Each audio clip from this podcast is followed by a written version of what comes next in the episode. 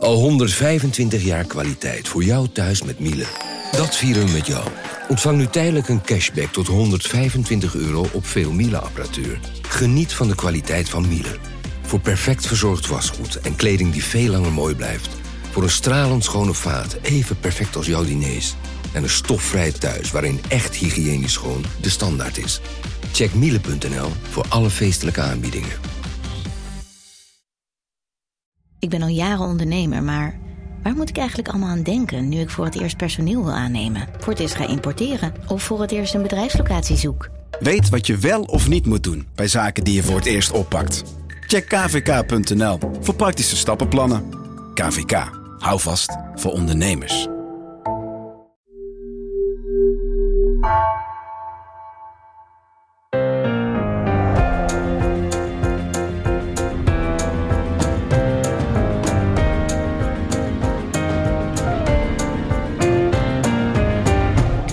Haagse Zaken van NRC. Mijn naam is Lemja Aharwai. Uit de fractie, weer in de fractie en nu weer uit de fractie. Het drama rond de jonge partij Volt en haar tot voor kort Tweede Kamerlid Nilufer Gundogan kende afgelopen dinsdag zijn ontknoping. Het was een maand vol meldingen van grensoverschrijdend gedrag, onduidelijkheid over de meldingen, mediaoptredens en een kort geding. En dinsdag heeft de Volt-fractie opnieuw besloten om Gundogan uit de Tweede Kamerfractie te zetten. En dit keer definitief, zo lijkt het. In deze Haagse Zaken bespreken we de zaak met Peter de Koning en Guus Valk. Je hoort wat voor partij Volt precies is. We zetten de belangrijkste gebeurtenissen op een rij. Je hoort over het artikel dat Petra en Guus schreven, waarin vijf van de dertien melders van ongewenst gedrag hun verhaal doen. Hoe dat artikel tot stand kwam, welke rol het speelde in de kwestie en waar het allemaal voor staat en wat de gevolgen voor Volt zijn. En ik wil met jullie beginnen over Volt zelf. Want het is best belangrijk om uit te leggen waar die partij voor staat, om deze kwestie beter te begrijpen. Wat is Volt voor partij, Guus? Volt is eigenlijk begonnen als een uh, anti-revolutionaire beweging. Zo zou je het eigenlijk moeten zeggen. Uh, je moet even bedenken, 2016 was het jaar van Trump, van de Brexit, van uh, een gevoel dat er in Europa en ook in de Verenigde Staten leefde van de, de, de populisten worden sterker, de, de westerse liberale waarden staan onder druk we moeten iets doen. Dat, dat gevoel leefde heel erg onder, ik zal maar zeggen, de cosmopolitische, uh, hoogopgeleide uh, stedelingen. Deel van dat sentiment uitte zich in een initiatief van een groepje vrienden, uh, onder leiding van een Italiaan, die heet Andrea Venzon. En die hebben in 2017 zijn ze begonnen met het project Volt. En wat was hun idee? Ze dachten, wij moeten Europese waarden, internationale waarden en ook de waarden van de liberale wereld uh, die moeten we verdedigen in een pan-Europese partij. Waarom een pan-Europese partij? Omdat ze vinden dat, zij zijn van de Erasmus-generatie, zo noemden ze dat dan. Wij, zijn, hè, wij reizen de grens over, we kijken verder, we kijken niet alleen maar naar ons kleine eigen landje. En we moeten op een soort um, pragmatische manier politiek bedrijven. Dus weg van de oude dogma's, van de oude ideologieën.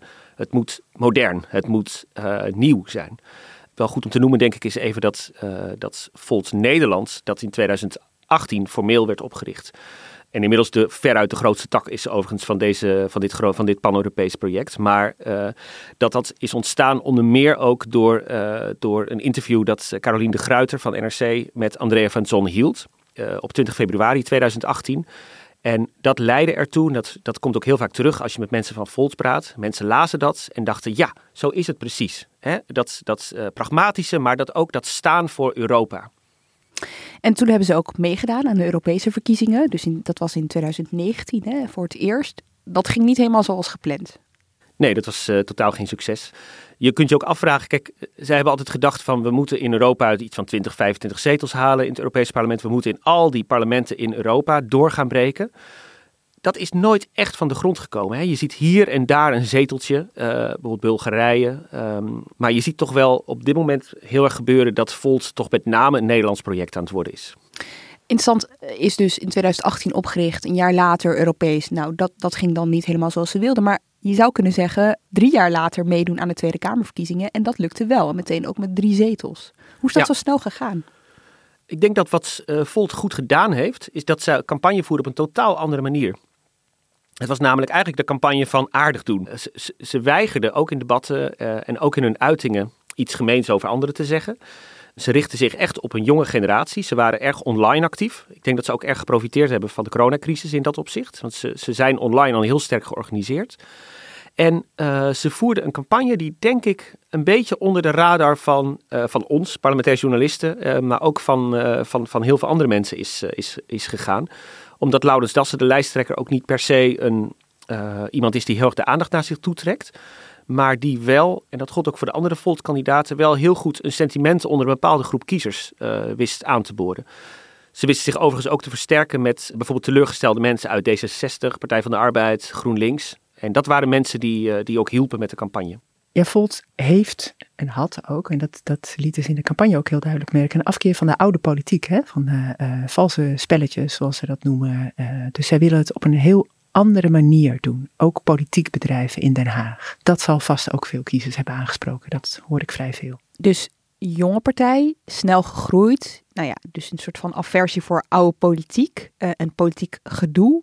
Heeft dat een rol gespeeld in die affaire van de afgelopen tijd en hoe dat zich heeft ontwikkeld? Ik denk het wel. Wat je bij de top van Volt heel erg merkte, was uh, dat toen dit allemaal ging spelen, dat ze het heel lastig vonden om te improviseren. Er lopen geen spindokters rond bij Volt. Uh, er lopen niet mensen met al jarenlange politieke ervaring die alle handigheidjes kennen rond. Dus dat speelt al een rol. Maar ook denk ik in gewoon hoe de partij is opgebouwd. Er lopen veel mensen rond die helemaal geen politieke ervaring hadden voordat ze actief werden voor Volt. Die vaak heel erg jong zijn, vaak jonger dan 25. Mensen die nog niet eerder zo hebben meegemaakt hoe politiek werkt. En ik denk dat dat ook wel echt een factor is in, zeg maar, als je Volt wil begrijpen. Hoe, hoe, wat is dit voor partij? Hoe gaan ze met elkaar om? Bedenk dan altijd, het is begonnen als een kleine vriendenclub. Die mensen van het eerste uur, die zitten ook nog altijd, hè, zijn over het algemeen ook nog actief. Ze zijn heel snel gegroeid. Inmiddels meer dan 13.000 leden. Het is echt een grote ledenpartij geworden. Maar in de kern is het nog altijd een clubje twintigers bij elkaar dat, dat eigenlijk nog niet zo heel goed weet uh, hoe ze het moeten aanpakken. Die ook vinden dat ze elkaar allemaal moeten vertrouwen. We hadden het ook, ook van de week nog met wat mensen over. Dat ze hebben helemaal niet die mensen op die lijsten gegoogeld. Weet je, wat, wat is de achtergrond? Wat hebben ze eerder gedaan? Helemaal op basis van, nou, jij komt erbij, je wilt je inzetten. Je bent geweldig. Oké, dit geeft een beeld van Volt. Hoe stond die partij ervoor voordat dit allemaal begon de afgelopen maanden? voor de buitenwereld behoorlijk goed. Uh, Volt deed het erg goed in de peilingen. Tikte we zo wat de 7, 7, 8 zetels aan in de peilingwijzer. Gewoon heel erg goed. Laurens Dassen was volgens een eerste peiling al uh, vlak, vrij vlak na de verkiezingen, maar hield dat ook eigenlijk wel vast. God als een van de meest betrouwbare politici in Den Haag. Samen met Pieter Omtzigt en Gert-Jan Segers. Hij zat een beetje in die categorie. En de samenstelling van de Volt-fractie, de drie Volt-Kamerleden die uiteindelijk gekozen zijn, was een beetje door toeval, omdat Marieke Koekoek, uh, de nummer drie, erin kwam door heel veel voorkeurstemmen. Maar de samenstelling van dat drietal, uh, buitenstaanders keken er altijd naar van dat is eigenlijk een hele slimme casting. Uh, dat zijn drie mensen die elkaar op een bepaalde manier heel erg aanvullen. Uh, Dassen is natuurlijk, een, is natuurlijk een beetje studieus, een beetje, een beetje timide ook, um, genuanceerd, fatsoenlijk. Dat was een beetje het beeld. Uh, Marieke Koekoek is een uh, dossiervreter. En Niliver Gunahan, de derde, is de, de, nummer twee dus, maar derde in, in rij. Is, is iemand met, ja, die het gevecht aangaat, die de populisten uh, rauw opeet. Dat was een beetje het idee. Ik wil iets meer van ze weten. Dus zullen we ze gewoon één voor één eventjes langslopen, Petra? En dan beginnen we gewoon met Dassen. Ja, Laurens Dassen, die is 36. Hij groeide op in Brabant. Hij speelde in een jeugdorkest, bariton, saxofoon. Zijn vader was directeur bij Philips. Zijn moeder was docent op een basisschool. Hij studeerde zelf bedrijfskunde. Uh, hij werkte bij ABN AMRO. Als student deed hij mee aan het uh, Model United Nations. Hè. Dan spelen jongeren een VN-vergadering na. Uh, je hebt het ook van de Europese Unie, maar dit, hij zat bij de VN. Marieke Koekoek trouwens ook. Hij maakte zich heel veel zorgen over de brexit, over Trump. Hij werd vrijwilliger bij Volt in 2018 en was ook een van de oprichters. En eind 2018 is hij partijvoorzitter geworden van uh, Volt. En in juni 2020 werd hij lijsttrekker. Nou ja, wat, wat Guus ook zei, hij komt over als bescheiden, keurig, rustig. En op nummer twee stond dus uh, Nilifer Gundogan. Ja, Gundogan uh, is geboren in Turkije. Haar vader werkte in een fabriek in Nederland. In, ze is opgegroeid in Weert. Ze beschreef haar vader als gewelddadig. Hè. Ze heeft het op televisie ook wel gehad over ziekenhuisopnames van haarzelf, over depressies.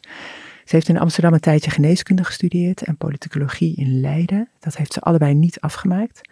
Ze is actief geweest bij D66. Ze was lid van het bestuur in Amsterdam. En voordat ze Kamerlid werd, had ze een eigen adviesbureau.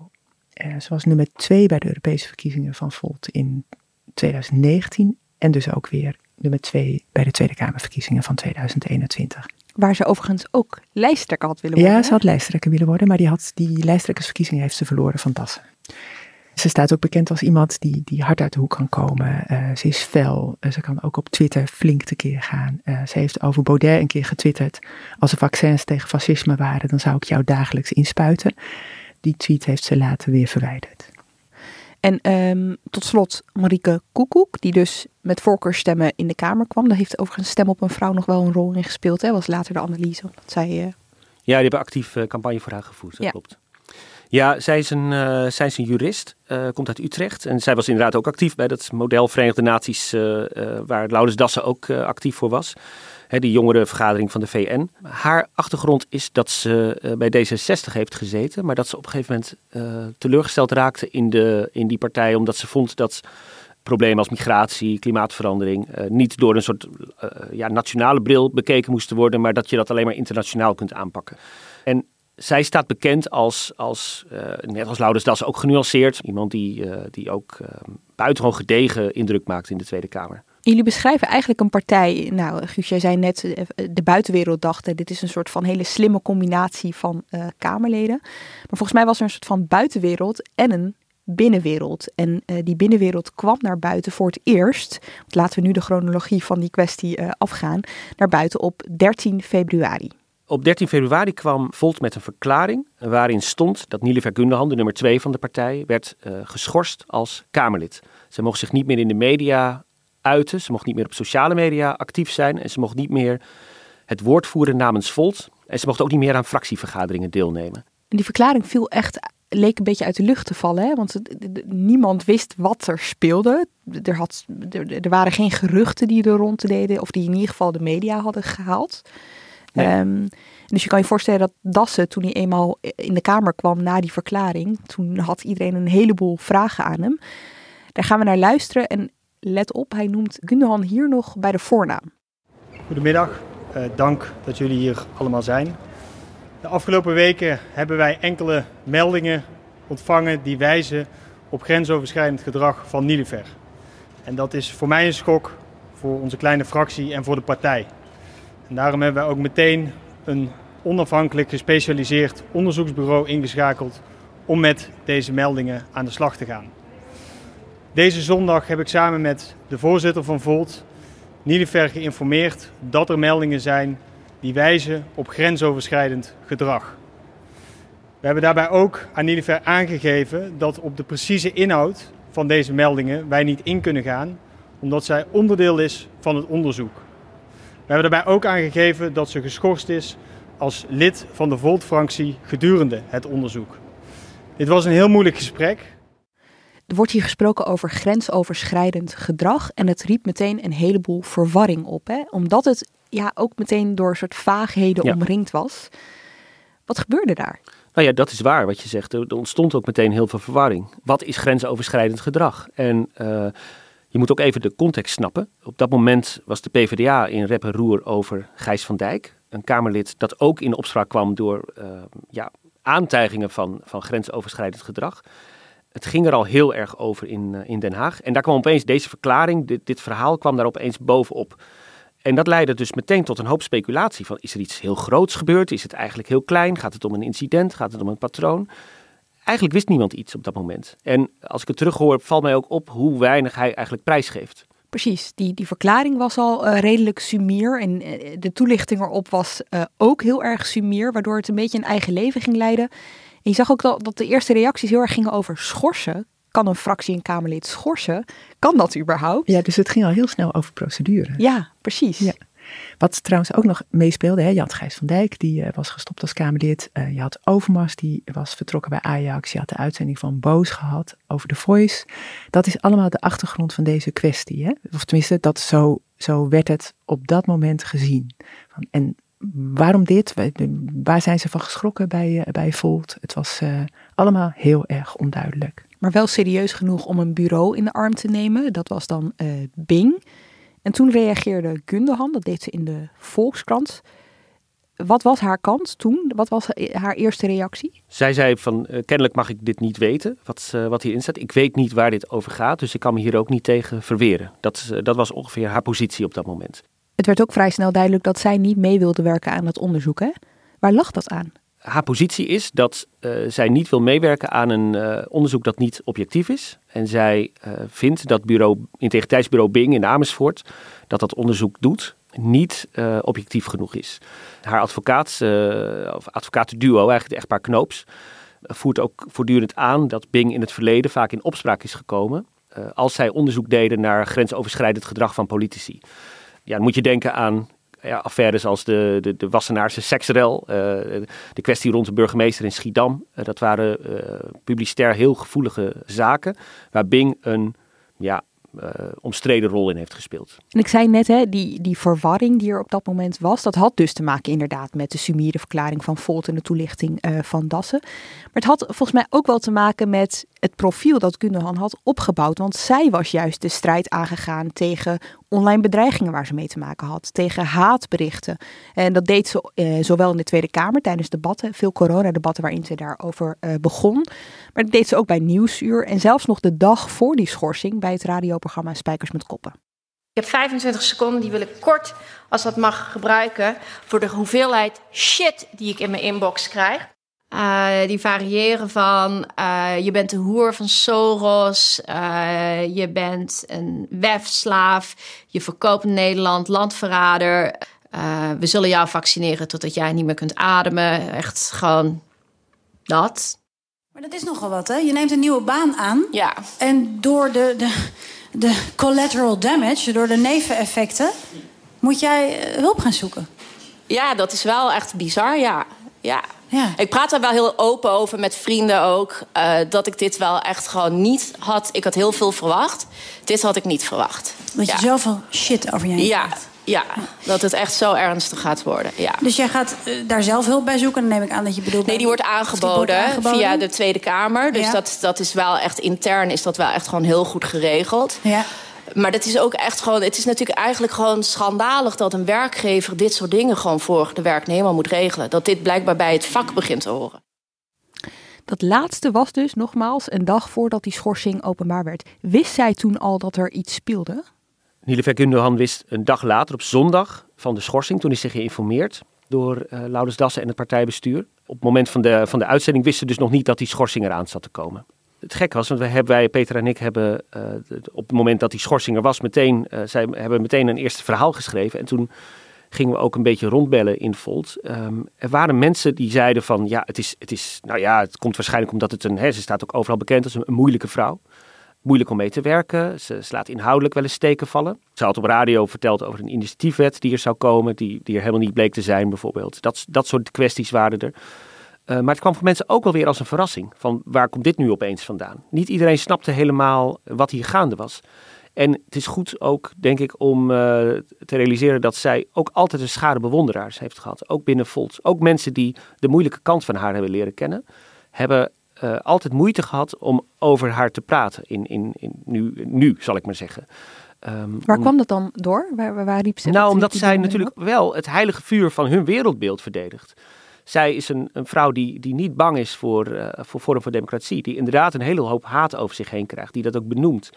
Die uh, talloze uh, interviews en, en mediaoptredens en, en, en kamerdebatten heeft gehad. Waarin ze ook open praat over wat dat met haar doet dat wekt ook natuurlijk heel veel sympathie op. En die iemand die ook zelf een heftig levensverhaal heeft. Ja. Hè? Dus van, ja. haar, van haar opvoeding en hoe ze is, is grootgebracht. Haar man is overleden, ze voedt hun kind in haar eentje op. Dat is zwaar. Ja. En dat maakt ook veel indruk op veel mensen. Klopt. Die 15 februari, we hoorden hem net eventjes, lichtte Dassen dus dat besluit toe om haar uh, te schorsen. Hoe ging het verder? Want op die dag kwam de fractie al bij elkaar, zijn jullie achtergekomen? Het was toen gewoon grote paniek in de tent. Niemand wist eigenlijk hoe en wat.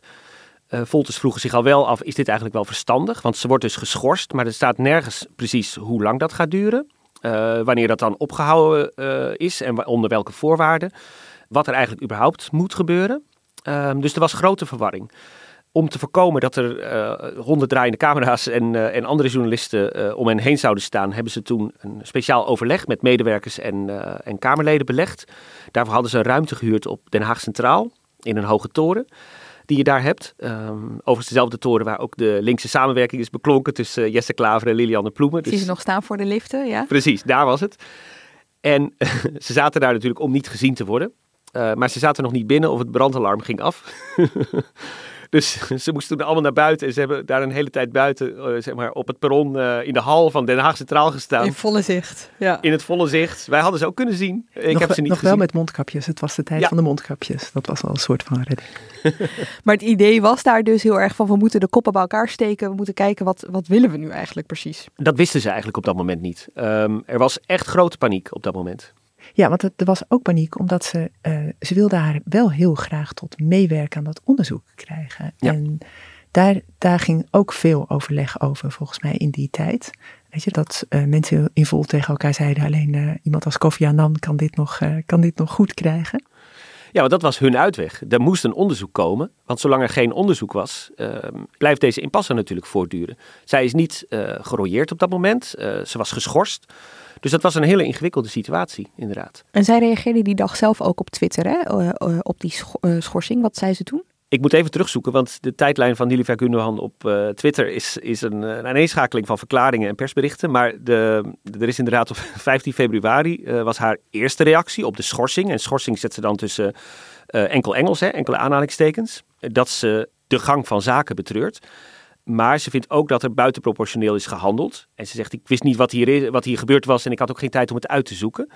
Ze, ze zegt wel dat mensen die zich vanwege haar stijl van werken onveilig hebben gevoeld, ehm, eh, nou ja, dat ze het betreurt dat die mensen daar die gevoelens bij hadden. Eh, maar ze zegt er ook bij dat ze advocaat Geert-Jan Knoops heeft ingeschakeld, een strafrechtadvocaat, eh, om haar verder te begeleiden bij dit proces. En dat was een moment dat ze bij Volt ook wel door hadden, hier is geen weg meer terug. Dit komt nooit meer goed.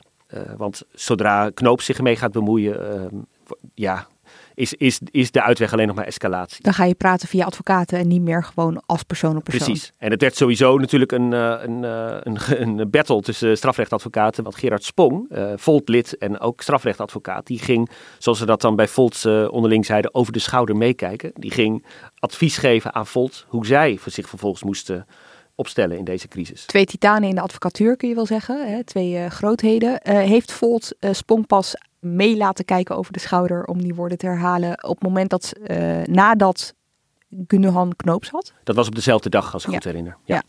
En een, een van de belangrijke dingen uit haar verklaring ook nog die dag was dat zij eigenlijk al duidelijk maakte dat zij haar zetel zou behouden. Hè? Ja, dat is altijd haar inzet geweest. En op dat moment was er ook nog geen sprake van dat ze haar zetel zou moeten inleveren of iets dergelijks. Ik weet nog dat ik die week iemand sprak binnen Volt. Die ook zei van, we hopen eigenlijk allemaal dat, dat ze zegt van, oh ja, nee, dit is onwerkbaar, ik geef mijn zetel wel op. Maar dat is ook weer een beetje naïef gedacht. En aan het eind van die week eh, kwam ze met de aankondiging van het kort geding. Dat was op vrijdag 18 februari. Dat ze een kort geding zou aanspannen tegen die schorsing. Eh, ze vond dat die ongedaan moest worden gemaakt en ze eiste een schadevergoeding en rectificatie. En in de Volkskrant zei ze toen dat het om één melding ging. Volt liet toen weten dat het meerdere meldingen waren hè, in, die dagen. En dat ze het heel erg vonden dat Koendehan niet wilde meewerken aan het onderzoek. En dat kort geding zou dan zijn op dinsdag 1 maart. En in het weekend daarvoor hebben ze haar toen helemaal uit de fractie gezet. Dus geen schorsing meer, maar gewoon eruit. En de aanleiding daarvoor was dat ze toen 13 meldingen hadden binnengekregen over Koenehans gedrag. En waar gingen die over? Nou, Volt kwam daar met een, met een nogal vage verklaring over. Ze hadden het over handtastelijkheden, ongewenste seksuele avances, intimidatie en misbruik van positie. Eh, dat is al meer invulling dan we, dan we eerst eh, hadden natuurlijk. Ehm, dus langzamerhand werd een klein beetje duidelijk in welke richting we het moesten zoeken. Hè? eh, zeg maar in hoe Volt naar de buitenwereld communiceerde. Maar nog steeds was het een beetje vaag. Nilufer uh, hadden ze toen niet gesproken. Hè? Ze hadden wel pogingen ondernomen. Dat stond toen ook in die verklaring. En wat ze heel erg benadrukte vanaf dat moment misschien nog wel iets meer dan eerder was ook van we zetten haar uit de fractie omdat wij integriteit en een veilige omgeving heel belangrijk vinden. Dus dat begon, ze begonnen steeds meer te praten over die melders. Hè? En nou ja, dit kort geding zat eraan te komen op dinsdag. En Gundogan heeft toen ook al aangifte gedaan van smaad en laster. Dus nog voor het kort geding. En dat deed ze tegen Volt? Tegen Volt en tegen de anonieme melders en Dassen. Ja. Oké, dus even een uh, recap hier. Uh, Volt die heeft Gundogan geschorst, vervolgens uit de fractie gezet. Gundogan heeft een kort geding aangespannen tegen die schorsing, aangifte gedaan van smaad en laster. En intussen blijft nog best wel onduidelijk wat die meldingen nou precies inhouden. Ik bedoel, het werd wel wat concreter, maar het bleef ook nog wel een beetje vaag. Nou, 1 maart, de dag van het kort geding. Petra, jij was daarbij. Ja, ik ben naar de rechtbank gegaan. Dat was in Amsterdam. Je ziet een jaar lang, zie je, die mensen naast elkaar zitten in de Tweede Kamerbankjes. En dan zitten ze opeens, staan ze tegenover elkaar in de rechtszaal. Dat was wel echt wel vreemd. En um, de rechter zelf begon ook over de oorlog in Oekraïne was net begonnen. En uh, Europa was eensgezinder dan ooit door die oorlog. En nu stond, was er opeens een strijd in Volt. Uh, dat was de manier waarop de rechter aan deze zitting begon. Van jongens, wat staan jullie hier eigenlijk te doen? Dus ze maakt het meteen al heel klein eigenlijk. Ja, ja, van uh, dit, Wat zielig dit, allemaal. Ja dit, ja. dit willen jullie toch niet en dit gaat alleen maar verliezers uh, opleveren. Het was wel het moment om, even los van de verklaringen op Twitter, dus Gundogan voor het eerst zelf haar kant van het verhaal te horen vertellen. Door deze publieke verdachtmaking ben ik voor altijd op het internet tot niks vergeet, publiekelijk veroordeeld en daardoor getekend. Altijd zal een deel van de mensen blijven denken, hoe goed ook mijn naam weet te zuiveren, dat het spreekwoordelijke waar rook is, is vuur ook voor mij geldt. Terwijl het enige vuur is mijn temperament en mijn gedrevenheid. Je zag dat uh, haar advocaat, Knoops, die omschreef haar als een sterke vrouw met het hart op de tong, die uh, veel eisend was, dus ook wel eens uh, boos kon uitvallen tegen medewerkers. Van de hele kwestie werd een arbeidsconflict gemaakt. Volgens Knoops en Goenehan was het allemaal begonnen bij een, een conflict dat zij had met een medewerker die volgens haar niet functioneerde. En zij zou die een officiële waarschuwing hebben gegeven. Ze wilde zijn contract niet verlengen. Dus uit rancune, uit boosheid zou de eerste melding zijn gekomen. Dat was haar verhaal. Het gekke was bij die zitting dat de advocaten van Volt dat maar lieten gebeuren eigenlijk. En dat niet hebben tegengesproken. En je zag bij de rechter steeds meer ongeduld. Van waarom is ze nou geschorst? Leg dat eens uit op basis waarvan. Het staat niet in, je in jullie statuten. Ik wil weten wat het dan was. Um, wat nou de ja. regels zijn die zij eigenlijk heeft ja. overtreden. Ja. Maar ik vind zeg maar, het, het, het terugbrengen tot een arbeidsconflict, zeg maar, wat is daarvan het voordeel voor haar om dat te doen? Nou, dan gaat het niet meer over haar gedrag. Dan gaat het gewoon over de vraag: uh, functioneert een bepaalde medewerker wel? En welk recht heb jij als Kamerlid om daar wat aan te doen of om dat te adresseren? Uh, dat is een heel andere discussie dan was mijn gedrag grensoverschrijdend ja, of precies. niet. Dus het maakt het in zekere zin wat, uh, de, de grond onder haar voeten wat steviger. Ja, en ze verklaarde ook de andere meldingen die daarna waren gekomen uit dat, dat uh, eentje niet tegen haar op kon, de ander wilde haar positie overnemen, eentje wilde in het Europees Parlement en wilde geen concurrentie van haar. Nou, weet je, en, en de ander kon niet tegen kritiek die, die zij had. Ze omschreef dat als de achtergrond van de meldingen die daarna nog waren binnengekomen. En wat was het verhaal van Dassen en zijn advocaten? Ze kwamen er niet zo heel goed uit. Uh, het was een lang verhaal, het was ook procedureel, maar uh, ze probeerden uit te leggen waarom het niet in de statuten stond en dat er wel een beslissing was geweest van het partijbestuur over die schorsing, dus dat het daarop gebaseerd was. Dat is heel defensief was, dus eigenlijk. Ja, het was, het was eigenlijk echt een, een slecht optreden. Dat, zo heeft Volt dat later zelf ook wel gezien, want ze zijn niet doorgegaan met deze advocaten. Maar ja, de zaak eindigde met het idee dat ze, dat ze dit gingen verliezen. Maar tijdens die zitting werd als we weer teruggaan naar die klachten, wel weer iets meer duidelijk over die klachten. Want het ging over uh, mogelijk machtsmisbruik viel, tikken op billen, opmerkingen over uiterlijk die niet uh, werden gewaardeerd.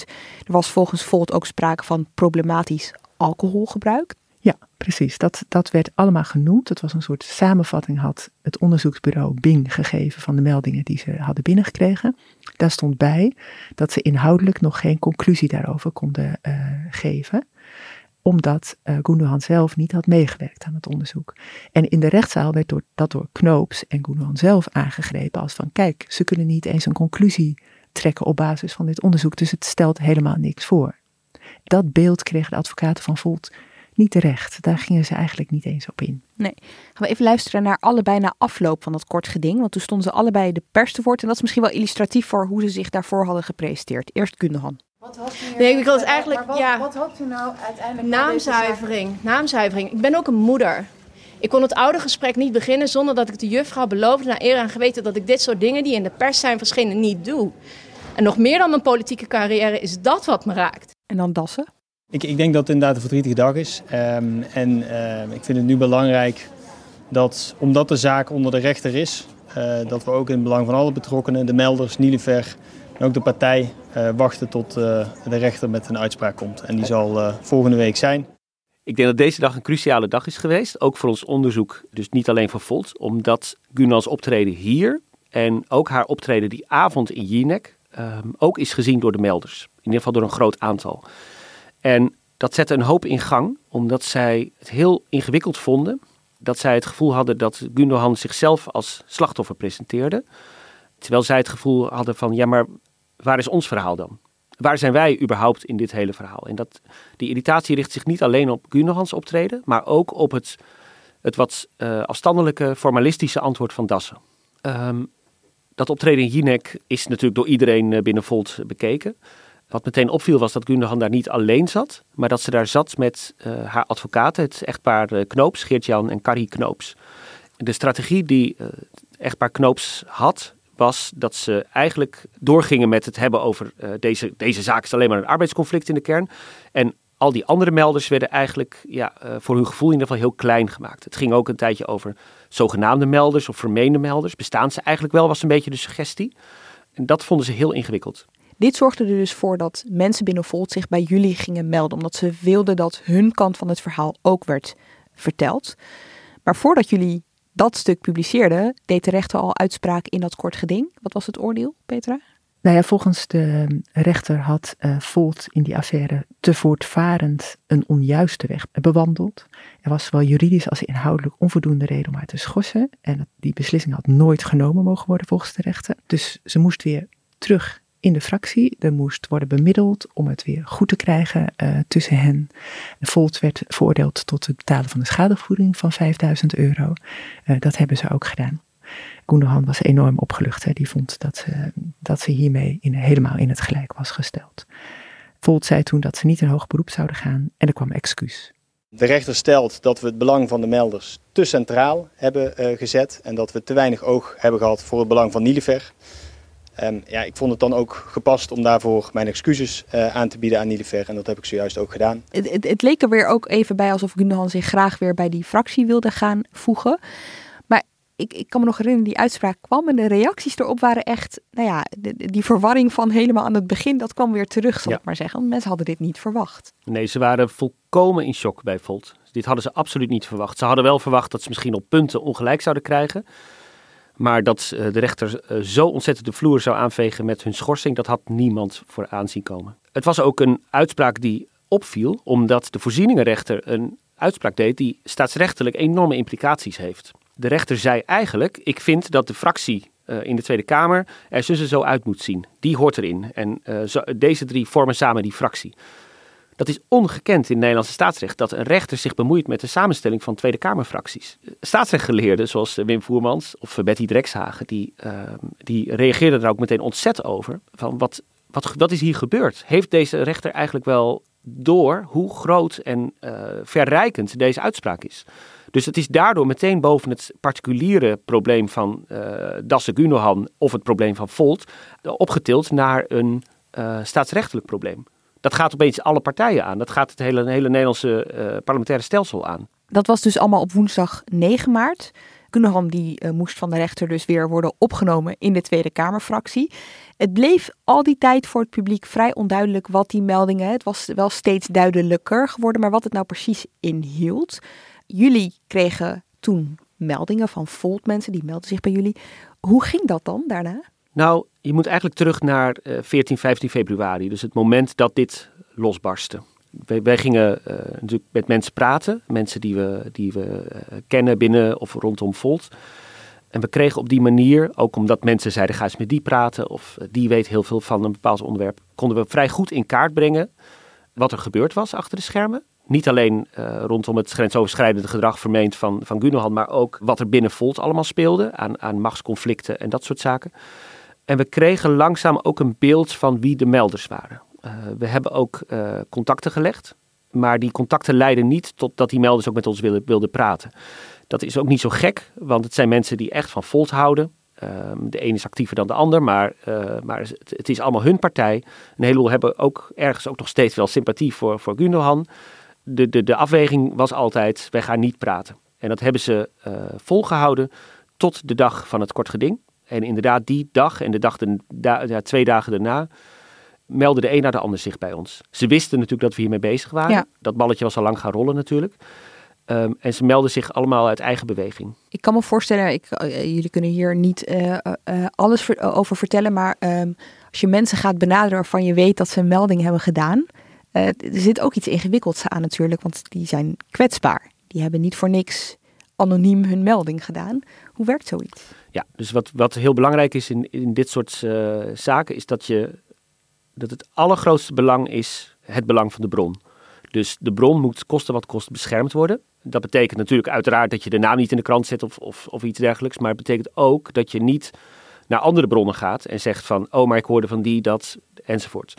Dus bronbescherming staat echt bovenaan. En uh, praten met de krant en sowieso door dit hele proces heen gaan is een emotioneel uh, ongelooflijk belastende uh, tijd. Dus um, wat Peter en ik denk ik allebei wel merkten, was dat je ook een heel groot deel van de tijd ook bezig bent met gewoon met mensen daar een beetje over praten en reflecteren. En uh, ook, ja, ik wil zeggen, de, de, emoties mogen ook wel even een rol spelen, zeg maar. Weet je wel, het, het is niet, je bent niet alleen maar over die zaken aan het praten, maar je bouwt ook wel een beetje een band op met mensen natuurlijk. En werkt dat zo, dan zo dat als jullie eenmaal uh, want uh, mensen die in eerste instantie dus niet wilden praten, wilden dat na uh, dat kort geding wel, begrijp ik uit je woorden. Werkt het dan ook zo dat als zij eenmaal weten dat anderen ook praten, dat dat, ja, dat, dat de drempel wat verlaagt om zelf ook... Dat speelde bij een paar mensen wel mee, denk ik, ja. Maar de meesten kwamen toch wel zelfstandig tot, tot dat oordeel. Je hebt dus melders gesproken, maar ook niet-melders. Misschien ook wel goed om even uit te leggen hoe dat is gegaan. Nou ja, je hebt natuurlijk bij allerlei dingen die zich hebben voorgedaan, waren ook andere mensen die dingen hebben zien gebeuren. En dat zijn dan niet per se melders, maar die kunnen ons wel vertellen wat zij hebben gezien. En dat is voor ons verhaal, zeker als je het baseert op anonieme bronnen, natuurlijk uh, uh, heel erg belangrijk. Dat we het van verschillende kanten kunnen beschrijven en daardoor zeker weten dat het zo is gegaan mensen gingen uh, ons natuurlijk ook, uh, ook, ook voeden met dingen. Uh, wat ook vaak gebeurde was dat we van de een iets hoorden dat een bepaalde brief bestond of een bepaalde e-mail of een bepaald appgesprek of wat dan ook. En dat we dat dan weer bij een ander konden verifiëren en, en, en op die manier zeg maar um, de puzzel een beetje leggen. Want waar denk ik de meeste tijd en aandacht naar uitging was dat we um, wat we van, van iemand hoorden, natuurlijk ook moeten voorleggen aan weer iemand anders. En, en wat diegene zegt weer aan iemand anders. En zo gingen we de hele tijd rond eigenlijk. Uh, en op die manier kregen we denk ik vrij goed in kaart wat er was gebeurd. Maar er zijn ook heel veel dingen die we hebben gehoord en niet hebben opgeschreven. Uh, gewoon omdat we niet precies weten, uh, ja, kunnen, we, kunnen wij hier helemaal voor instaan. Um, dus we hebben alleen opgeschreven waar we, waar we wel voor kunnen instaan. En dat betekent dat je ook inderdaad sommige dingen niet kunt vertellen. Jullie werkten dus met anonieme bronnen. Dat doe je niet heel snel als krant. Hè? Dat, dat doe je eigenlijk alleen maar uh, in dit soort zaken uh, bijvoorbeeld. Wat zijn jullie gaan doen toen jullie eenmaal al die verhalen bij elkaar hadden en, en dat uh, ondersteunend uh, uh, bewijs, zal ik maar zeggen. Dus die, bijvoorbeeld WhatsApp-gesprekken. Hoe ga je dan daarmee aan de slag? Nou ja, ons doel was eigenlijk om het patroon in kaart te brengen. Dus niet zozeer per se incidenten, ook wel natuurlijk, die, die vormen de basis. Maar het ging ons met name om het patroon. Waar komt, waar komt dit nou allemaal vandaan en wanneer is het begonnen? Het viel mij op in de gesprekken die we hadden met melders en ook met, uh, met mensen daaromheen die dingen gezien hadden, dat heel veel dingen heel erg overeenkwamen. Uh, bepaalde woorden die werden gebruikt, bepaalde uh, gebeurtenissen die waren gebeurd. Wat de een was overkomen, is ook de andere overkomen. Dus wij kregen op die manier, kregen we denk ik vrij goed een patroon in beeld. En we hebben ons ook bij het schrijven wel echt gericht op, op dat, dat laten zien, dat in kaart brengen. Ook wilden we natuurlijk de interne dynamiek van Volt goed, goed begrijpen. Dus wat doet het bestuur nou eigenlijk precies? Overigens vrijwel onzichtbaar uh, partijbestuur uh, gebleken, deze hele crisis. Ja. Ze hebben eigenlijk alles aan Laurens Dassen overgelaten. Uh, we wilden weten hoe de, hoe de interne dynamiek in de fractie was. hoe er überhaupt met Kamermedewerkers wordt omgegaan binnen Volt. En we kwamen er bijvoorbeeld ook achter dat tussen Laurens Dassen en Nilufer Gundogan al heel lang een, een hele ingewikkelde relatie bestond. Die natuurlijk niet over grensoverschrijdend gedrag ging, maar er bestond eigenlijk al geen werkzame relatie tussen die twee. Uh, Waar, en dat ging... is dat te herleiden? Dat leidde tot de campagne van de Tweede Kamerverkiezingen van, van 2021 waarbij een paar dingen zijn gebeurd. Uh, we hebben van meerdere mensen uh, gehoord, en dat is ook bevestigd uh, on the record, zou ik maar zeggen, door, door Dassen, dat hij op straat is uitgescholden door haar. En wat ook is gebeurd, is dat zij het initiatief heeft genomen tot een soort van brandbrief tegen Dassen in het begin van de campagne. Die was ondertekend door de nummer 2, 3, 4 en 5 van de kandidatenlijst, waarin ze eigenlijk zeiden je bent niet geschikt voor je lijsttrekkerschap. Dat was eigenlijk de boodschap in die brief. Was Koekoek dan ook een van de ondertekenaars? Ja, zij was ook een van de ondertekenaars. Ja. Die brief heeft tot een vertrouwensbreuk tussen Dassen en Gundogan geleid. Die, uh, die ook, kijk, uiteindelijk is dit geen machtsconflict. Maar je kunt het ook niet helemaal los van zien, denk ik. Um, er was al een vertrouwensbreuk tussen de nummer 1 en de nummer 2 van de partij. En dan worden dingen natuurlijk vanzelf al heel ingewikkeld. En Petra, uit jullie onderzoek is dus, jullie hebben ook concreet gemaakt wat tot dat moment toe een beetje vaag bleef, was gebleven, namelijk die klachten. Kies op een rij zetten waar jullie toen achter zijn gekomen. Ja, dat, dat was een hele rij. Mensen vertelden dat ze uh, in hun nek waren gezoend, op hun billen waren geslagen. Er was één verhaal van een uh, minderjarige die zich uh, heel lang geïntimideerd had gevoeld door Koenhan. die zegt dat ze was gepest, getreiterd en ook op de billen was geslagen.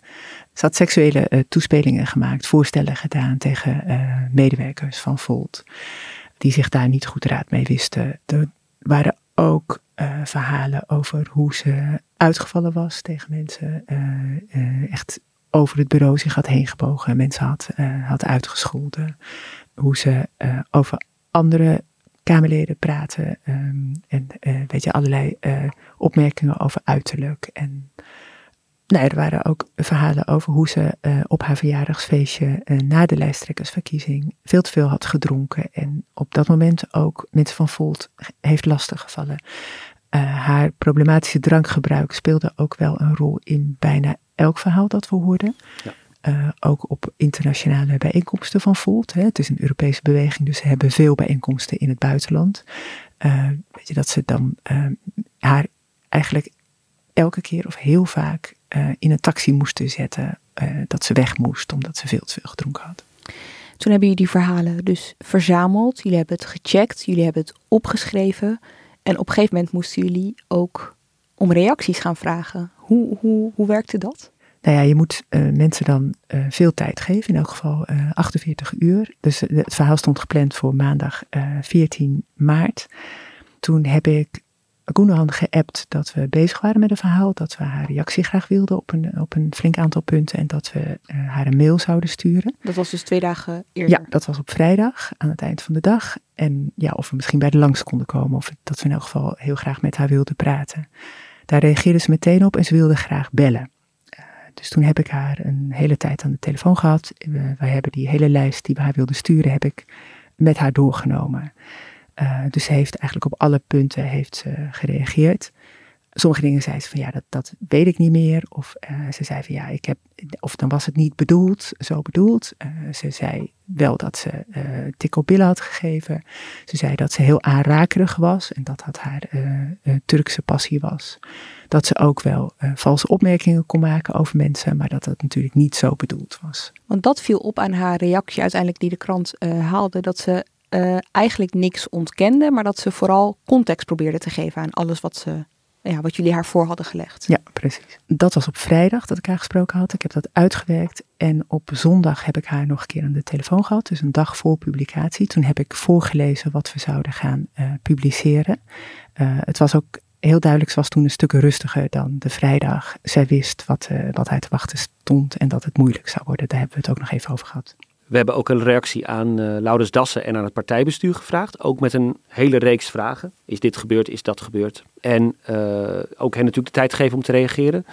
Uh, dat werd een gezamenlijke reactie door Dassen en het partijbestuur samengeschreven.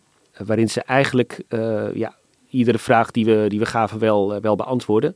en ook bepaalde dingen die we niet zeker wisten ook konden bevestigen.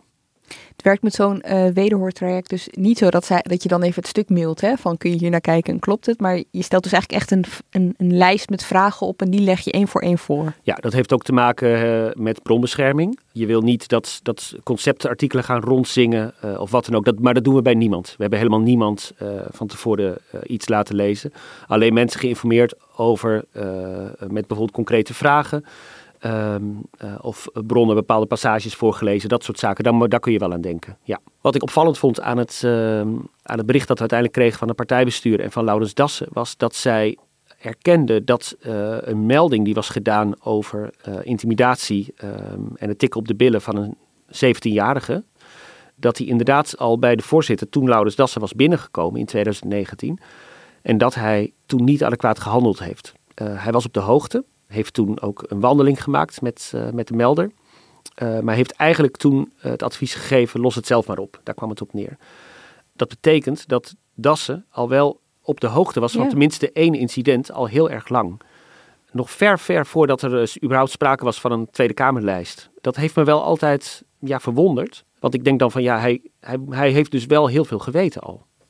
En er niks mee gedaan. En er niks mee gedaan. Heb je hem dat voor, hoe, hoe reageert hij daarop? Nou ja, hij betuigt daar nu spijt over. Dat had hij inderdaad in retrospect wel moeten doen. Maar goed, het is niet gebeurd. En de reacties op het stuk, want dan, eh, jullie hebben het dus gepubliceerd. Wat, wat, wat zagen jullie gebeuren daarna? Ik merkte zelf in reacties. Uh, er zullen altijd mensen uh, zijn die, die, het, die het niet bij NRC vinden passen om over dit soort zaken te schrijven, bijvoorbeeld. Maar ik merkte zelf in de reacties toch wel een hoop emotie. Er waren een hoop mensen geschokt over wat er, wat er in het stuk stond. Ook door de ernst van de, van de aantijgingen die, en ook door, de, door het grote aantal. Wat ik persoonlijk uh, belangrijk vond was, en ik denk, dat merkte ik wel aan de reacties, dat is denk ik wel uh, gelukt, dat het iets invulde in het verhaal wat tot dan toe eigenlijk door beide partijen niet goed was verwoord. Namelijk wat het perspectief van de melders was. En ik vond dat echt een lacune in het hele verhaal. Het werd heel procedureel. Het, het werd heel politiek soms ook. Hè? Aan welke kant sta je? in deze machtsstrijd. Uh, ik merkte dat uh, Haagse duiders, tussen aanhalingstekens, het ook heel erg als een conflict uh, beschreven tussen twee partijen en spannend, wie gaat er winnen. Maar in die hele ophef is, is het perspectief van de melders volkomen uit beeld verdwenen. En wat we, denk ik, nou in ieder geval wat ik beoogde, ik weet niet of jij dat ook had Peter, maar wat ik in ieder geval beoogde was dat we dat element terugbrachten in het verhaal. Want, of, of eigenlijk introduceerden in het verhaal, want dat was er op dat moment gewoon nog niet. Peter? Ja, en daar was het wel mee begonnen, hè? Maar dat was eigenlijk vanaf het begin was het ondergesneeuwd geraakt tussen van, oh ja, dit is opwinding, hè, de aanleiding van The Voice en uh, Overmars, Gijs van Dijk. Terwijl het, de verhalen waren er al langer. Ik bedoel, dat mensen uh, namen dat met zich mee, uh, droegen dat met zich mee. Ik vind het dus interessant nu ook dat je, als je erop terugkijkt, dus dat die melders dat van zichzelf dus ook vonden, dat die dat zagen gebeuren. En dat die daarom de noodzaak zagen om nou ja, aan de bel te trekken om dat verhaal dus toch Daar is het heel moeilijk mee, dat klopt. Ja. ja. Eh, toch even, want er zijn dan, en dat zie je ook voorbij komen, ik wil het ook niet onbenoemd laten, daar hoor je toch ook van, het is een privé kwestie. Weet je wel, moet je dit wel op willen schrijven? Jij liet net al even vervallen, is, zou een krant als NRC dit wel uh, moeten doen? Hoe luister je daarnaar? Nou, ik, ik, zal niet ontkennen dat het heel lastig is om over dit soort zaken te schrijven. Omdat het inderdaad gaat over uh, gedrag van een persoon tegen andere personen. En uh, dat is in de politieke context altijd gewoon, nou sowieso denk ik, gewoon heel ingewikkeld. Want je wil ook niet iemand uh, zomaar ergens van beschuldigen. In dit geval had het denk ik een, um, een lading, omdat het een politieke kwestie werd. Uh, uiteindelijk werd het zelfs een staatsrechtelijke kwestie. Ja. En om die politieke kwestie en die staatsrechtelijke kwestie goed te kunnen wegen, heb je nodig dat je weet waar het om gaat. De, de drempel om dit soort verhalen te schrijven is voor NRC, maar ik hoop ook voor andere media heel erg hoog. Je, je, je doet dat niet zomaar. Maar soms kun je niet anders. Precies, en het wordt dus wel meegenomen de afweging. Is het privé of heeft het, staat het voor iets groters? En soms uh, uh, is, een, is, een, is gewoon een kwestie die zich bijvoorbeeld tussen twee personen afspeelt. Uh, een kwestie die over meer gaat dan alleen wat er met die twee personen aan de hand is. En heeft dat in jullie verslaggeving hierover ehm, dus ook betekend dat jullie verhalen hoorden, maar dachten dit is niet relevant voor deze kwestie die we nu proberen te vertellen? Ja, heel veel. Heel veel. Echt, uh, dat, dat zeker. Ja, we hoorden heel veel waar we meteen al van wisten, daar gaan we dus niets mee doen. Omdat het privé ja. kwesties uh, betrof? Ja. ja, we, hebben, we hebben echt de grens getrokken bij Volt. En bij ook de, de, de implicaties voor Volt. En, en daar hebben we het echt over willen hebben, niet over andere dingen. Ja, Koendehan zelf vond dat dat verjaardagsfeestje van haar een privé kwestie was. Ja. Dat vond ze, ehm, weet je, dat was ook de directe aanleiding om, om de aangifte van smaad en lasten, wat ze later heeft gedaan, nog uit te breiden. Ze vond dat dat um, uh, met moddergooien was, omdat dat in haar eigen huis zich had afgespeeld. Maar dat waren mensen van de partij, dat waren mensen van Volt, die zij had uitgenodigd, met wie zij dus ook een professionele relatie had. Ons stuk was op maandag, op woensdag waren de gemeenteraadsverkiezingen, dat was op 16 maart. Donderdag werd duidelijk, dus een dag na de gemeenteraadsverkiezingen, werd duidelijk dat ze uh, de aangifte van smaad en lasten nog had uitgebreid. Toen zat ze bij Jinek. Nog even over de gemeenteraadsverkiezingen. We publiceren dat dus twee dagen voor de verkiezingen. En dat vond ik wel een akelig dilemma. Uh, moet je zo'n verhaal brengen twee dagen voor de verkiezingen? Normaal gesproken zijn we altijd heel terughoudend een paar dagen voor de verkiezingen met uh, bijvoorbeeld onderzoeksverhalen of grote interviews met een lijsttrekker die we even helemaal in het zonnetje zetten. Ik noem maar wat je wil niet op dat moment uh, uh, de indruk wekken dat je bepaalde partijen bevoordeelt of benadeelt. Um, daar hebben we het ook wel over gehad. Van moeten we dit nou doen? En wat was de afweging dan om het wel te doen? Nou, de afweging was stel dat we hadden gewacht een paar dagen. Stel we hadden het op donderdag of vrijdag gebracht, een paar dagen na de gemeenteraadsverkiezingen, terwijl we alles al klaar hadden liggen. Dan hadden we Volt bevoordeeld. Ja. Want dit was geen fijn verhaal voor Volt. Het toonde ook aan het, ja, het, eigenlijk het amateurisme van die partij en hoe, ze de, hoe slecht ze ermee omgingen.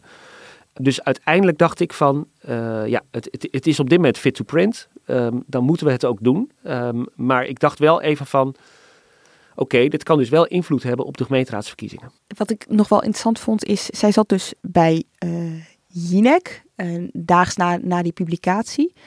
En wat daar gebeurde is dat het stuk dat jullie schreven eigenlijk een soort dynamiek kreeg in haar verdedigingslijn.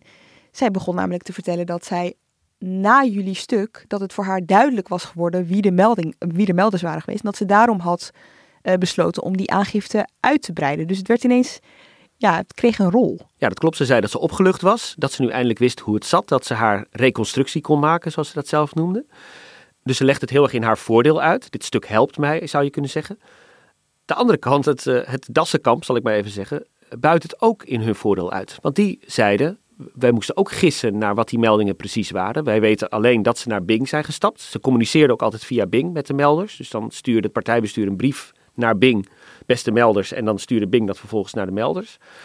Nu kon Dassen zeggen, oh, maar nu hebben we een uh, casus belli, zal ik maar zeggen. Nu weten we wat er is gebeurd. Dus het zette ook van alles in gang in die partij. Nou ja, uh, heel concreet, het zette uiteindelijk in gang dat Dassen en Koekoek besloten om Gundogan uit de fractie te zetten voor Precies. de tweede keer. Ja, en hun overweging daarbij is, was dat uh, die melders uh, helemaal niet veilig waren. En dat ze, weet je, dat ze de, uh, een andere manier van omgang met mensen had dan de gedragscode van Volt omschreef. Dat ze die, die aangifte van smaad en lasten niet van tafel had willen halen, de hele week niet, en hem ook nog eens een keer had uitgebreid.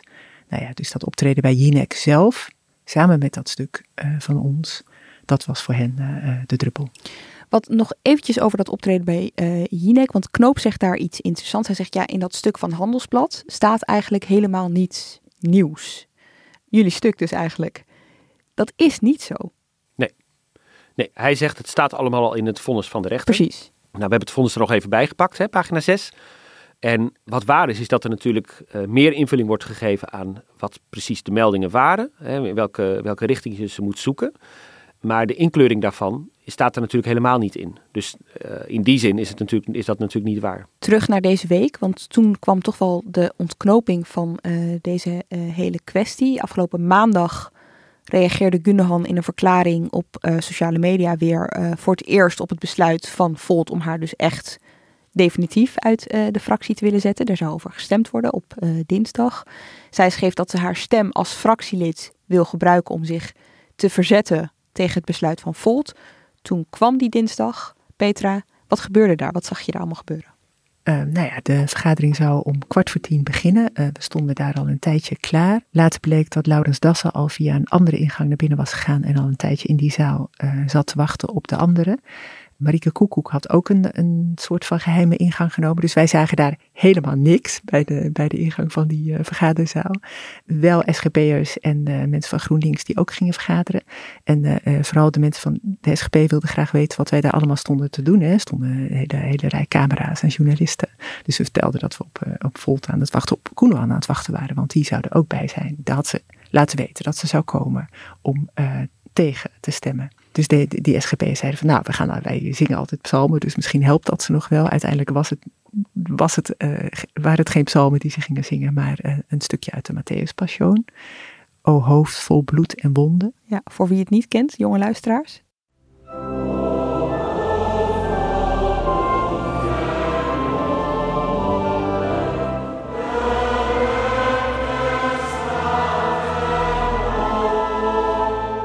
Oké, dit komt uit Nederland Zingt van de EEO, vanuit de Grote Kerk in Maasluis. Ik zeg het er maar eventjes bij. Maar um, konden ze dit horen trouwens, bij Volt? Uh, ze hebben het niet gehoord. Nee, de okay. psalmen horen ze, horen ze uh, meestal wel bij de vergaderingen. Maar nu hebben ze dit... Uh, ze zaten net in een andere zaal, wel naast de SGP, maar misschien net iets dikkere wanden. Maar daar zaten ze dus met z'n tweeën, Marieke Koekoek en Laurens Dassen. En er was een notulist bij, een medewerker, die, die maakte dus aantekeningen van deze stemming. Uh, ze hebben nog ongeveer een kwartier op Koenhan gewacht, maar die kwam niet. Die liet aan uh, journalisten weten dat ze ziek was uh, en dat ze thuis zou blijven. Um, wisten ze, ze, dat binnen ook? Nee, dat wisten ze niet. Ze had wel een mail gestuurd met haar bezwaren tegen de. want wat er toen ging gebeuren in die vergadering was. Ze gingen het fractiereglement aanpassen. want dat ontbrak de eerste keer. Daarom had de rechter gezegd: jullie kunnen haar niet schorsen. Dat kan niet op basis van het fractiereglement. Dus dat gingen ze veranderen. Daar hebben ze over gestemd. En ze hebben al gestemd over dat zij eruit werd gezet. Maar met z'n tweeën? Ze waren met z'n tweeën, ja. Ze hebben nog wel haar bezwaren uit de e-mail van de dag daarvoor besproken. Uh, maar ze hebben met z'n tweeën gestemd. Met hand opsteken? Nee, ze hebben niet een hand opgesteken. En gold dat dan als een tegenstem of hebben ze alleen maar over gehad? Ze hebben het erover gehad. Uh, formeel kon het niet gelden als een tegenstem, want dat was schriftelijk en ze had erbij moeten zijn. Maar dan, nou ja, maakt niet uit natuurlijk voor de uitkomst. Dan wil ik toch even nog een keer luisteren naar Das, want die kwam toen naar buiten om dat nog een keer uh, toe te lichten. We hebben helemaal aan het begin van deze aflevering gehoord hoe hij die schorsing uh, toelichtte. Dit is hoe hij haar um, vertrek uit de fractie toelichtte. Zojuist hebben wij uh, fractievergadering gehad. Um, en bij die fractievergadering is besloten om het fractielidmaatschap van mevrouw Gundogan te beëindigen. mevrouw Gundogan was daar zelf niet bij aanwezig, ehm, maar ze heeft wel via de mail haar visie gegeven en haar stem. Uh, die hebben we ook meegenomen. Uh, dat mevrouw Gundogan nu geen lid meer is van de fractie, komt onder andere door het artikel in het NRC en uh, de uitzending van Eva Jinek. Waarbij ons toch wel heel duidelijk is geworden dat we op deze manier niet meer met elkaar samen verder kunnen. Kijk, de eerste keer noemde haar, zoals jij ook zei, nog Nilever. En nu was het mevrouw Gundogan. Ehm, dat was, daar was overduidelijk heel veel afstand ontstaan in die paar weken. Hij klonk nu wel zelfverzekerder of zo. Het leek alsof hij dit nu echt, uh, misschien was hij opgelucht of misschien had hij van tevoren nagedacht dat hij hier toch wel wat met dat gezag moest, uh, moest optreden. Ja, hij klonk ja, dat, anders. Hij klonk anders. Dat, dat was ook al eerder op, ons opgevallen. Dat hij, hij was in de allereerste keer klonk hij nog vrij onzeker en, en zelfs wat timide. Maar dat was in de loop van die weken wel veranderd. Hij was, uh, had zich misschien wel voorgenomen om wat uh, krachtiger uh, te klinken. Hij was harder gaan praten en gedecideerder. Had hij misschien ook wat meer zelfvertrouwen gekregen? Want jullie vertelden hè, dat ze afscheid hadden genomen van hun aanvankelijke advocaten. Dus ze kwamen aan het begin ook wat onzeker over, over waar ze nou eigenlijk precies mee bezig waren als je al die verklaringen op een rij zet. Ja, wist hij nu gewoon dat hij juridisch het bij het ja, juiste einde heeft? Heeft het daarmee te maken? Zeker, want ze, ze hebben tot het einde gedacht dat dit ook helemaal anders had kunnen lopen. Ze hielden rekening met het scenario dat zij terug zou keren in de fractie. Wat zou betekenen dat alle medewerkers en alle kamer, de beide Kamerleden ja, weg zouden moeten. En dan is de vraag, verlaat je de politiek? Stap je uit de fractie? Word je een, een, uh, een groep dassen of zoiets?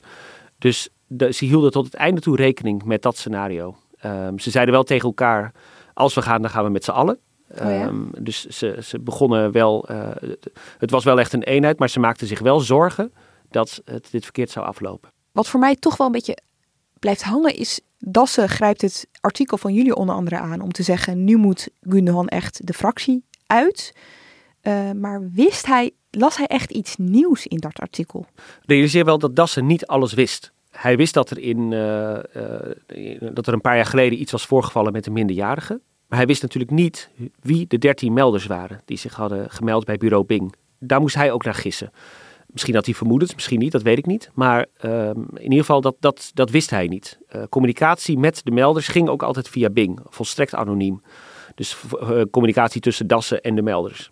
Dus hij zal wel degelijk nieuwe dingen hebben gelezen, vermoed ik, uh, in, het, in het artikel. En nu? Ik bedoel, hoe staat ze nu voor? Ja, Koendoan heeft steeds gezegd dat ze wel Kamerlid wilde blijven. Ze heeft eigenlijk sinds het, dat ze uit de fractie is gezet het is nu vrijdag als we dit opnemen, heeft ze, ze heeft nog niet gereageerd. We gaan ervan uit dat ze volgende week op een ander kamertje zal zitten. en dan kan ze door als, uh, als lid Gundogan. Ja. En dan is er dus uh, de twintigste fractie in de Tweede Kamer. Wat op zich ook al uniek is, want dat is een record. We hebben het nog nooit eerder gehad dat er zoveel Kamerfracties zijn. Dus zij kan gewoon zelfstandig doorgaan. Uh, zoals er meer eenmansfracties zijn. Pieter Omtzigt, Liane Den Haan dat is haar toekomst. Daar heeft ze, uh, ja, dat, dat is nu wat haar, uh, wat haar rest. En bij Volt zelf? Ja, de, in het begin waren er wel Volters die zeiden: Het is toch jammer dat we die derde zetel verliezen. Kunnen we niet toch nog een manier proberen dat ze ofwel haar zetel vrijwillig opgeeft, of misschien toch nog iets met mediation kunnen doen. Maar ze hebben al vrij gauw uh, die zetel eigenlijk opgegeven. Vinden ze ook helemaal niet meer zo heel erg. Ze vinden twee zetels ook prima. Dus zij gaan nu gewoon door met ja, toch wel, en dat klonk ook wel een beetje door in wat Dassen uh, zei in die verklaring. Ja, toch ook wel een beetje opgelucht, denk ik. Komende maandag gaat het bestuur van Volt nog vergaderen. Dat gaat dan ook over het royement van uh, Gundogan. Uh, is dat een uitgemaakte zaak? Ja, dat, ja dan, dan zal ze formeel gerooieerd worden als, als lid van Volt. En dan staat voor volgende maand nog een partijcongres gepland. Dat staat gepland op 24 april. En dan gaat Volt uh, bekijken of ze uh, deze zaak goed hebben aangepakt. Dan mogen de leden zich uitspreken. Daar maken sommige Volters zich nog wel zorgen over. Want zoals, zoals we in het begin al constateren, het is een populair uh, politicus, Niederver Gundogan. Er zijn er ook veel Volters die nog steeds vinden dat, dat haar onrecht is aangedaan. Je moet bedenken dat ook een aantal van de mensen die we gesproken hebben, ook ooit ook fan van haar zijn geweest. En die mensen heb je natuurlijk nog steeds heel veel in de partij. Dus het is geen uitgemaakte zaak dat, uh, dat Dassen dat verhaal wel even eh, komt verkopen of iets dergelijks. Het, is, het zal nog wel echt ingewikkeld worden om ook kritische leden ervan te overtuigen dat dit de enige uh, weg vooruit was voor hem. En zijn positie, hè? want ik, moet steeds, ik blijf steeds denken aan die minderjarige medewerker die zich dus al eerder bij hem heeft gemeld en van hem heeft gehoord, nou ja, je moet het echt even zelf oplossen. Gaat dat nog een rol spelen? Ik ben zo benieuwd, heeft dat nu de kwestie Gundogan is afgehecht, zoals ze dat in Den Haag noemen, gaat dat nog een rol spelen? Ik denk dat sommige leden daar wel, uh, daar wel vragen over hebben, inderdaad. In hoeverre hebben jullie opgetreden tegen grensoverschrijdend gedrag? Niet alleen maar uh, de afgelopen weken of iets dergelijks, maar, maar de afgelopen jaren. Uh, hoe is dat eigenlijk, hoe heeft dit kunnen ontstaan? en hoe, hoeveel zegt dit over leiderschap bijvoorbeeld? Ja, dat kan nog best wel een ingewikkeld congres worden. En ja, tot slot toch nog eventjes de vraag, want jullie zijn er afgelopen vier weken dus mee bezig uh, geweest, of uh, iets langer zelfs. Wat heeft dit jullie nou geleerd? Het was wel ongekend hoor, Guus. Ik heb dit, uh, hè, we lopen hier allebei al een tijdje rond. Ik heb zoiets nog nooit meegemaakt. Nee, het, nee. het was wel. En, en hè, we zijn, het is nog niet klaar. We weten nog niet wat Gundogan gaat doen. Hè? Wat, wat, er met, wat er met die aangiftes gebeurt welke juridische stappen zij nog gaat, uh, gaat ondernemen. Ze had het deze week over een plan van aanpak waar ze mee komt. Dus we weten niet nog hoe dan ook, hoe, in alle opzichten nog niet hoe dit gaat aflopen. Nou, we hebben natuurlijk heel veel mensen gesproken. En, en, normaal hou ik van ook over politiek schrijven, omdat het over ideeën gaat en over, en over uh, machts, machtsconflicten en over, uh, en over beleid. Over, dit was een puur persoonlijke kwestie. En um, uh, ik denk dat dat ook wel weer een les is voor mij, uh, hoe persoonlijk politiek ook kan zijn soms. Alle mensen die we hebben gesproken, nou, sommigen waren er emotioneel natuurlijk echt wel, uh, ja, hadden het er gewoon echt heel erg moeilijk mee. In al die gesprekken kwam dat ook naar voren, hoe, hoe, hoe persoonlijk politiek ook uiteindelijk kan zijn. Het gaat toch uiteindelijk om hoe iemand anders zich verhoudt tot jou. En dat is toch wel weer een les die, die ik hierin geleerd heb. Tot slot, uh, dit is uh, de zoveelste kwestie die gaat over een politieke partij en over uh, veiligheid. Er is, Petra, een nieuwe poging van de Kamervoorzitter om weer onderzoek te laten doen naar sociale veiligheid in fracties. Ja, Vera Bergkamp heeft opnieuw een onderzoek aangekondigd. Dat, dat zal de komende tijd gaan gebeuren. Het blijft ingewikkeld in de Tweede Kamer, omdat Vera Bergkamp als Kamervoorzitter niet de baas is van, eh, niet de werkgever is van al die fractiemedewerkers die in een afhankelijke positie zitten. Uh, dus uiteindelijk is het aan de fracties zelf om daar iets mee te doen of om om dat op te lossen, om uh, uh, mensen eventueel weg te sturen of uh, te berispen. Dat is niet aan haar. Dus dat, dat blijft ingewikkeld in de Tweede Kamer. Dank jullie wel voor nu in ieder geval. Peter de Koning en Guus Valk. Het stuk dat jullie schreven staat in de show notes. Jij bedankt voor het luisteren. Redactie en productie van deze aflevering door Ignaas Schoots. Montage door Pieter Bakker.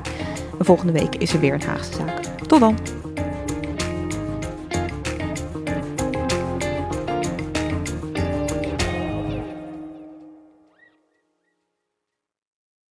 Technologie lijkt tegenwoordig het antwoord op iedere uitdaging. Bij PwC zien we dit anders. Als we de potentie van technologie willen benutten, kunnen we niet zonder een menselijk perspectief. Human-led, tech-powered noemen we dat. Ga naar pwc.nl.